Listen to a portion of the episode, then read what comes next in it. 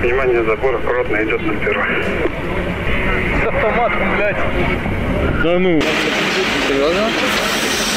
С автоматом. Спасибо, ребята, спасибо. Мы с ними вперед! Преследуйте тех, кто угрожает нам с вами. Все бросайте и находите эту тварь и убивайте. сказано разработать, сделать лагерь, сделать лагерь, лагерь на особо на для отселения Поставить колючую проволоку, получается, передать. Там их держать, пока все не спокойно. Прывітанне. Мяне завуць Дмітрый Гурневіч. Я журналіст радыё Свабода. Гэты падкаст называецца красаўцы. Вайна з народам у жніўні 2020. -го. Ён расказвае аб пратэстах пасля прэзідэнцкіх выбараў у Беларусі з перспектывы сілавікоў. Не толькі пра іх падрыхтоўку і сам гвалт, але пра іхныя страхі і слабасці. Пра тое, як усё выглядала знутры. Менск жыў у святочнай атмасферы. Лета, сонца, сцягі, мора людзей, усмешкі. Адчуванне еднасці і блізкай перамогі, а сілавікі на нейкі час зрабіліся незаўважнымі. Ну, вообще милиция устала работать каждый день. Узгадвае Александр Азараў з байполу. Как я говорил, не было смены. Милиция была задействована вся. И, соответственно, в этом подавлении участвовал в основном ОМОН, различный спецназ, ну и Губопик по воле Карпенкова. Вот, они работали вообще без перерыва. Они были измотаны очень сильно и, видимо, ну, проявляли таким образом свою агрессию. Сапраўды перажыўшы самы цяжкі тыдзень свайго панавання і заручыўшыся падтрымкай Масквы, Лукашенко заняў пазіцыйную абарону. Гэта не версія, гэта факт, які пацвярджае і злітая прамова тагачаснага міністра ўнутраных справаў Юрыя Караева. Первые четыре дня, когда группы атаки, о которых уже знает даже президент, вместе с ОМОНом внутренними войсками спасли страну, перевели это уже в такое более как бы затяжное, но все же более спокойное русло, где у нас появилась возможность задуматься, уже планировать, а не просто отбиваться, уже нападать самим и в конце концов перейти с захватом превентивным или на расходе, или во время, но и к преследованию противника, вот как в Чечне. Інструкцыя Караева сілавікам простая. Преследуйте тех, кто угрожает нам с вами, мы особенно СТВ. Все бросайте и находите эту тварь и убивайте.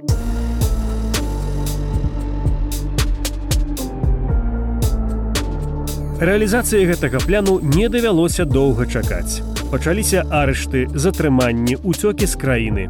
Увесь міліцэйскі апарат быў накіраваны менавіта на палітычныя рэпрэсіі, якія адсунулі ў бок нават крымінал і іншыя злачынствы ў краіне.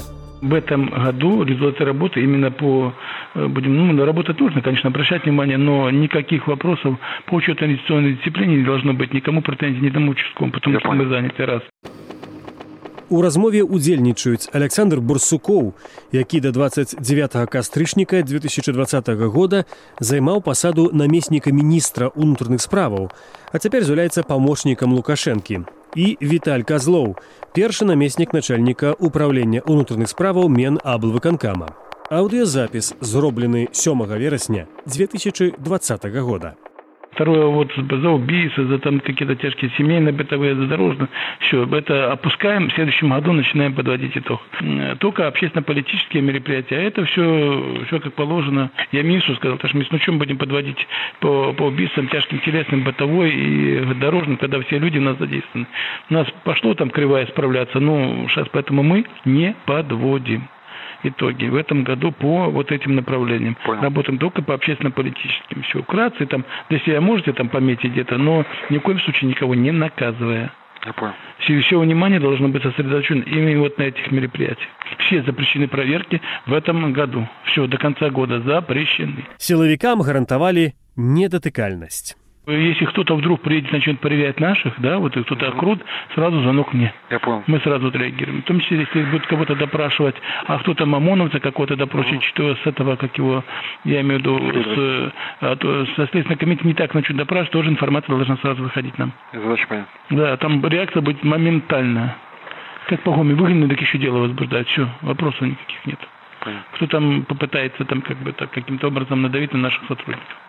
Все, все усилия на общественно-политические мероприятия. Все, работайте вот, вот как в таком ритме, как мы работаем.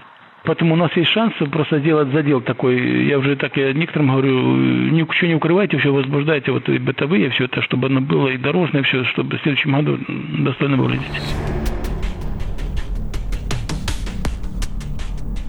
Пачалі адрасна вылаўліваць пратэстоўцаў і запалохваць не цураліся нават самых цынічных метадаў такіх як пагрозы пазбавіць бацькоўскіх правоў гэта фрагмент размовы віталя казлова з раманам мельнікам які да траўня 21 года займаў пасаду начальніка галоўнага ўправлення правапарадку і прафілактыкі міністэрства ўнутраных справаў. Аудиозапись зроблены 10 вересня 2020 года. Сейчас мне э, звонил Петришенко, вице-премьер. Значит, вот то, о чем мы говорили про э, с детьми, значит, вот дословно я себе записал. Женщин с детьми идентифицировать, большая просьба. Материалы направлять в комиссию по делам несовершеннолетних, так как помимо того, что они являются участниками несанкционированных акций, так еще и ставят в социально опасное положение детей зная, что их действия не законны и так далее. Снимать на видео заседание комиссии по делам несовершеннолетних и так далее и тому подобное. Але была ўсё ж катэгорыя беларусаў, якую нават сілавікі бояліся чапаць. Да, работяги надо осторожно. Я всегда говорил о том, что э, тут как бы с кондачка не пойдешь, блядь. По голове не надаешь, а силы средства есть, но не хотелось бы... Не хотелось бы, да. И гэта зразумела бо яшчэ некалькі дзён рабочыя заставаліся рухавіком і надзеяй пратэсту. Вось прыклад з аднаго градзенскага прадпрыемства, дзе кіраўніцтва, пахіліўшы галовы, слухала прэтэнзіі рабочага да Лукашэнкі, якога ён назваў былым прэзідэнтам. Он не может разобраться и не может связать нормально, обратиться к своим людям. Везде угрозы. Скажите, пожалуйста, вот здесь что стоят? Это уголовники? Это уголовники? Это люди, не, которые не работают. Это наркоманы. Это пьяницы. Это рабочий народ. У них есть свое сознание. Что этим людям заплатили? Вчера что? Всему городу заплатили? Да заплатите по 10 копеек, какую сумму вывалится это. Люди вышли своим сознанием, с семьями, с детьми. Я горжусь действительно своим белорусским народом. Мне не надо, не надо, не нужно не Россия. Мы должны быть одни с нормальным, честным руководством. Во главе такой же самый должен президент быть честный, как и мы. Але сітуацыя пачала мяняцца. Калі Пуін і Лукашенко упершыню пасля выбараў пагаварылі па тэлефоне. І калі кіраўнік крамля выказаў свайму менскаму сябру сваю непахісную падтрымку. Менавіта пасля гэтага пачалі затухаць спробы страйкаў рабочых, а Лукашенко набраў упэўненасці, што яго так лёгка не скінуць. Падчас наступнага масавага шэсця пратэсту 23 жніўня ён абляцеў паўсталы супраць яго горад на верталёце пасля таго як людзі ўжо разышліся. Высадзіўся каля палаца незалежнасці які нагадваў абложаную крэпасць. Афіцыйныя медыі пашыралі відэакадры лукашэнкі з сынам мікалаем у камуфляжы з аўтаматамі ў руках гэта быў знак пратэстоўцам і ўсяму свету што ён не збіраецца аддаваць уладу Пуін паабяцаў пры патрэбе даслаць на дапамогу аддзелы расійскай нацыянальнай гвардыі. Рэжым распачаў контрнаступ супраць народнага руху. У наступным фрагменце прагучыць слова, якое мы выбралі для назвы нашага падкасту. Внимание, забор аккуратно идет на сперва. С автоматом, блядь. Да ну. Серьезно? С автоматом. Спасибо, ребята, спасибо. Спасибо вам, ребята, спасибо.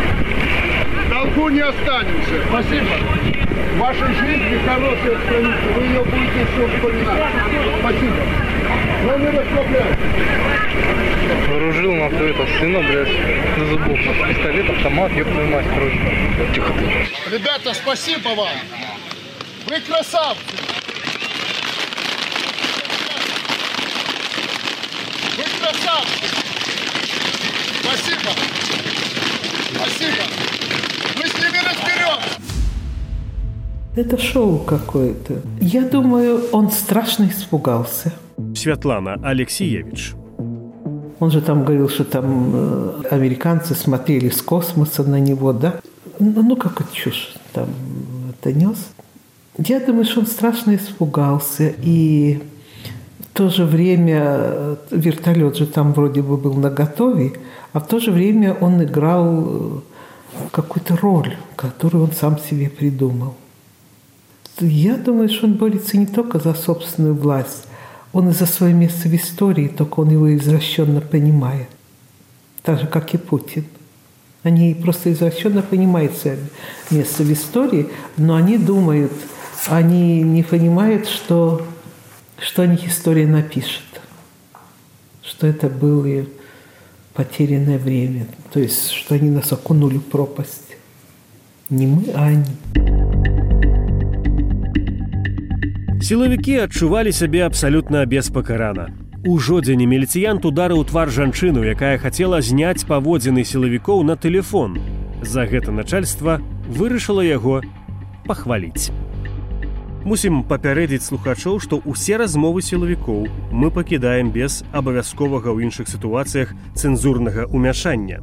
Мова, якой размаўляюць тыя, хто нібыта ахоўвае закон і парадак, вельмі істотна іх характарызуе, магчыма, і тлумачыць многае ў іх дзеяннях, паказвае их сапраўдны твар. По этому Жодинскому нашему случаю разбирались там, где... Да мне Костин вчера голову Виталий задурил. У гэтым эпізодзе размаўляюць Віталь Казлоў і памочнік Лукашэнкі, былы міліцыянт Ігор Яўсеяў, які ў 2010 годзе асабіста збіваў журналістаў на плошчы пасля выбараў прэзідэнта. А что разбираться? Нехер было ездить в лицо с этой... То на одному покажи лицо, то второму. Он показал. Ни в коем случае этого хлопца нельзя наказывать. Так я сам с ним вчера разговаривал. Уже люди говорят, ну наконец-то хоть кто-то среагировал. Ну, правильно допрыгали. сделал. А э, кто это, Виталий? Кто он? Это участковый мой, старший участковый. Дали молодец. Барановский. Как его фамилия, Виталий? Барановский Николай. Ну, молодец, блин. А Он э, бывший боксер и... э, Ну, и я, а я так и понял. Так красиво. Э, Хорошо, как что- его, Барановский Николай? Барановский Николай. А отчество сейчас. Да, и, я, и дай телефон, я ему позвоню, чтобы... Э, Телефон я сейчас должен уточнить. Виталик, дай телефон мобильный, я ему позвоню, хлопцу приятно будет. Если надо, я вмешаюсь. Правильно сделал, блядь. Видишь ли, она, блядь, решила помочь. Ну, решила, так помогла, блядь. Но в основном издевались и били это те, у которых э, садистские наклонности. Гаворыць Александр Азаров, Байпол. А, Не все били, даже не все ОМОНовцы били, не все солдаты внутренние войска били. Я знаю истории, когда сотрудники внутренних тех же войск задержанных отводили за угол и отпускали. Забирали их у ОМОНа, а, и потом за углом их отпускали. То есть по-разному. Вот били не все. Ну и шла пропаганда очень большая среди вот этого низшего слоя правоохранительных органов. Это люди малообразованные, а, приехавшие в основном из периферии, из деревень. Они не думают о каких-то высших материях, им вообще бе- без разницы. Им нужен чарка и шкварка, как говорит Лукашенко. Да? Им дали квартиру, зарплата нормальная, и все. И он выполняет любой приказ. И я даже уверен, что если поменяется у нас власть, даже когда поменяется власть, эти же люди будут бить сторонников Лукашенко с, с- с такой же злостью и стервенением. Им вообще без разницы, кого бить. Некаторым не было ўсё роўна. Я думаю, что уволилось максимум до тысячи человек. Но увольнения продолжаются и по сей день. Многие не уволились именно из-за контрактных, потому что выплачивать такую сумму не- ну, очень тяжело для семейного бюджета. Но сейчас, я знаю, очень многие ждут просто э, окончания контракта и уходят по соглашению сторон без выплаты. То есть эти люди увольняются регулярно. У меня очень много знакомых, которые уволились там через полгода, через год, через там полтора и продолжают увольняться. Ждут вот этого срока и все, пишут рапорт и до свидания.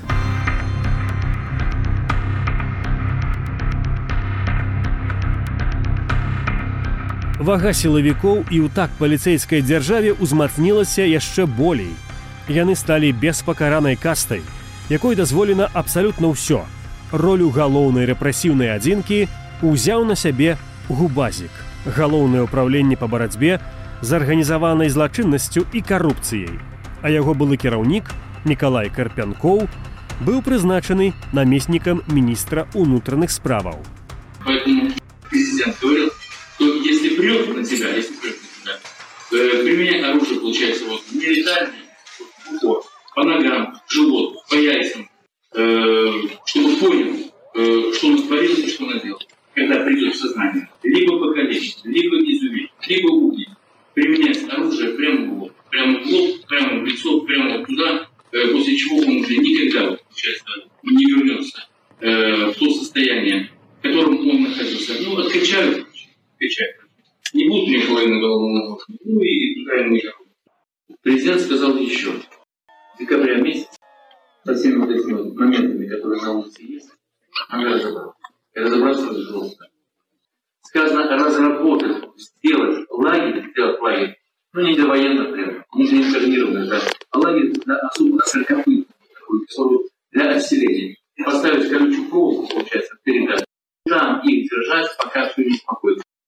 Два гады яны ператварылі ў такі канцлягер усю Беларусь. И здесь промашка оппозиции, что они не проявили большую активность.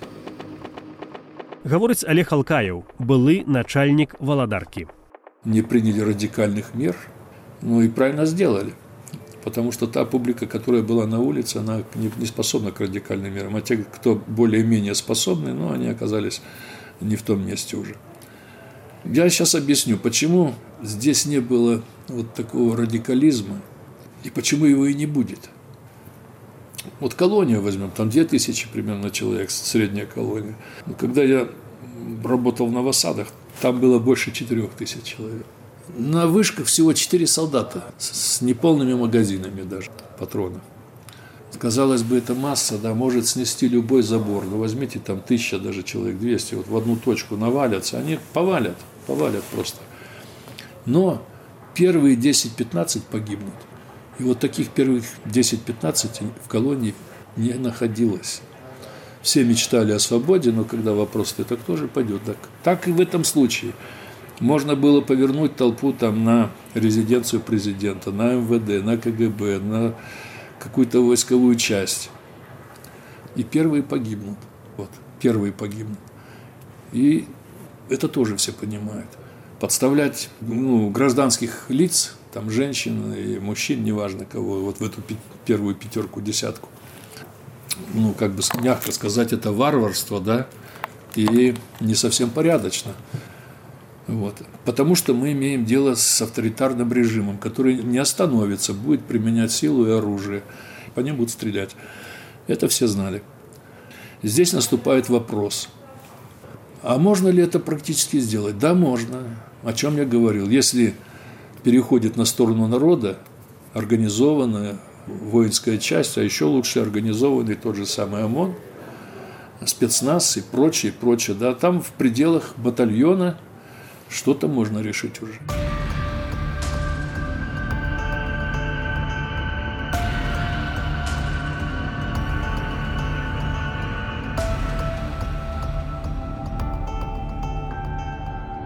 Яшчэ некалькі месяцаў праходзілі масавыя нядзельныя маршы. Але рэальная магчымасць перамогі была ўжо страчаная. З кожным тыднем пачне расці ўзровень гвалту і рэпрэсіяў.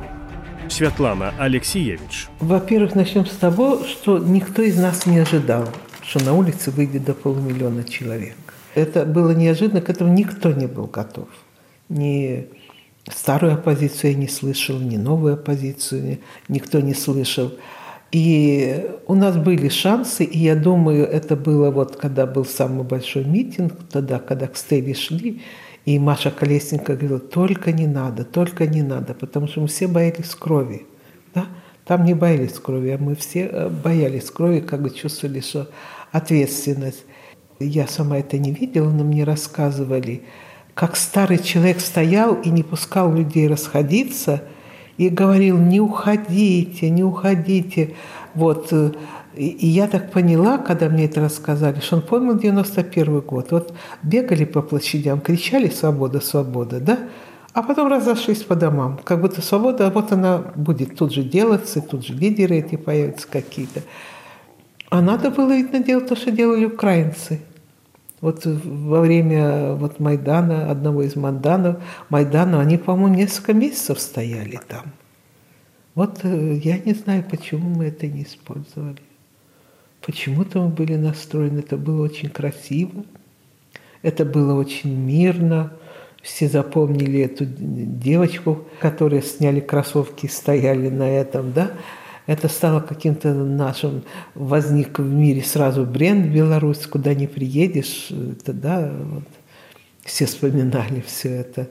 Наш авторитет в мире, он за счет мирности, за счет того, что мы не хотели крови. То есть мы говорили, что уже другое время, 21 век. Люди должны иначе решать проблемы, и политики в том числе. Да, время другое, а диктаторы старые. Вот чем мы оказались, в чем сложность. Паводле Алексеевич, белорусы отчули себе нацией. Помни это ощущение, что идешь, и лица людей каких-то вдруг...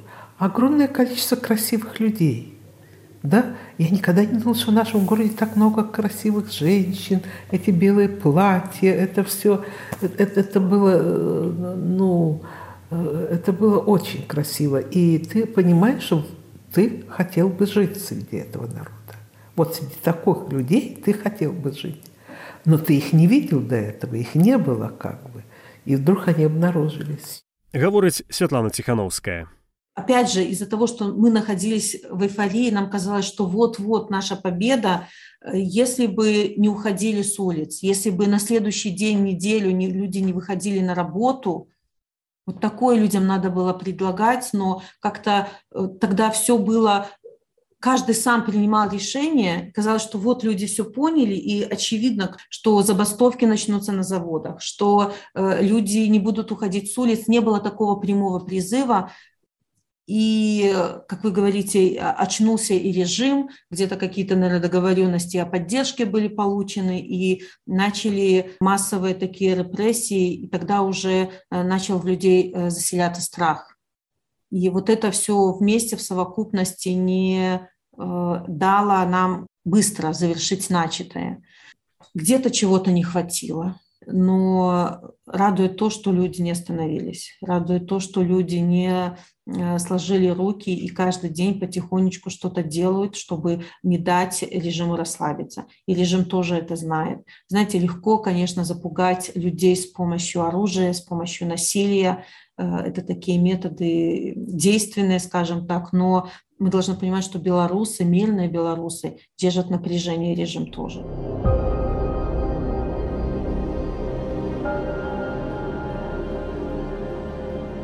У паспяховых мірных рэвалюцыях адным з вырашальных фактараў бывае пераход сілавікоў на бок народу. У Беларусі гэтага не адбылося. Улада засталася на месцы, і сілавікі надалей засталіся яе галоўнай апорай. Тыя, хто звольніўся, апынуліся або ў турме, або за мяжой, як былы следчы Остапович. Если сравнивать с тем, когда я увольнялся, и с тем, что сейчас, процент таких ярых ябатик точно вырос там это сто процентов. А плюс пропаганде все равно, если каждый день в течение года-двух слушаешь, что это все проделки Запада, агентура собирается тут с Россией нас порвать, поработить и все остальное, я думаю, часть в это все равно поверит, как ни крути. Э, остальная часть – это молчаливые обыватели, которые хотят спокойно жить, но приходится с чем-то поступаться. Особых там предпосылок к тому, что сейчас прямо что-то изменится, и нас там сейчас накажут за все, что мы натворили, или мы просто там работу также потеряем. Нету. Паводле Остаповича, звыклае жыццё для сілавіка лепшае за няпэўныя перамены. Пусть лучше будет так, вот все, чем эти никому непонятные перемены. А те, кто не занимает каких-либо должностей, Э, это уже вторая сторона нашей медали, скажем так, э, как политического вектора, который выстраивался там в течение 20 лет. Это то, что его запугивает лишением самого главного у нас. Это даже для людей не жизнь сама, а работа. У нас все построено на том, что никакого запаса нету. Если ты теряешь работу, тебе уже в следующем месяце есть нечего. Ну, у нас каждый, там, я не думаю, примерно третий понимает, что если сегодня его уволят, через месяц ему уже коммуналка, которая съедает там 30%, остальные 50% э, это на еду и все остальное там на три месяца накопить, потому что у тебя израсходуются ботинки, и тебе надо их купить. Ну, я даже с едоком так жил, потому что у меня не было своего жилья, у меня аренда жилья очень много съедала, половина зарплаты у меня съедала дорога, э, коммунальные услуги и питание, и там процентов 40-30 остается на себя.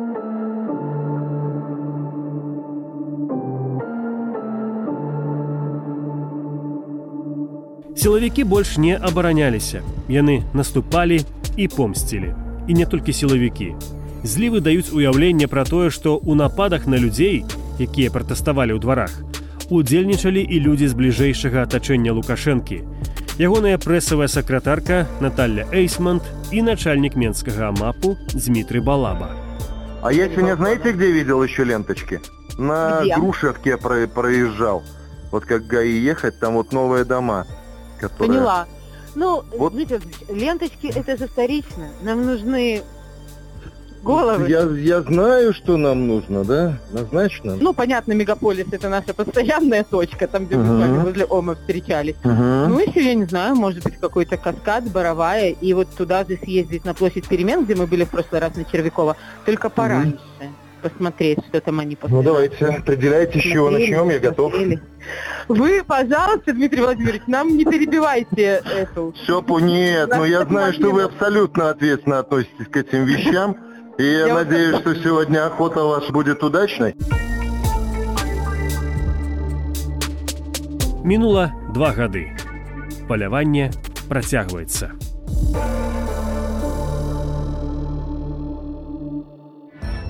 У падкасці выкарыстаныя запісы тэлефонных размоваў міліцэйскага начальства, якія рабілі спецслужбы Беларусі. Гэтыя файлы з'явіліся ў сеціве дзякуючы групоўцы кіберпартызаны і ініцыятыве байпол. Эксперты пацвердзілі сапраўднасць гэтых аўдыёзапісаў. Над падкастам працавалі. Дмітрый Гурневіч, Ганна Соус, Сергей Шупа, Зміцер Волошкін. Кансультант Глен Кейтс.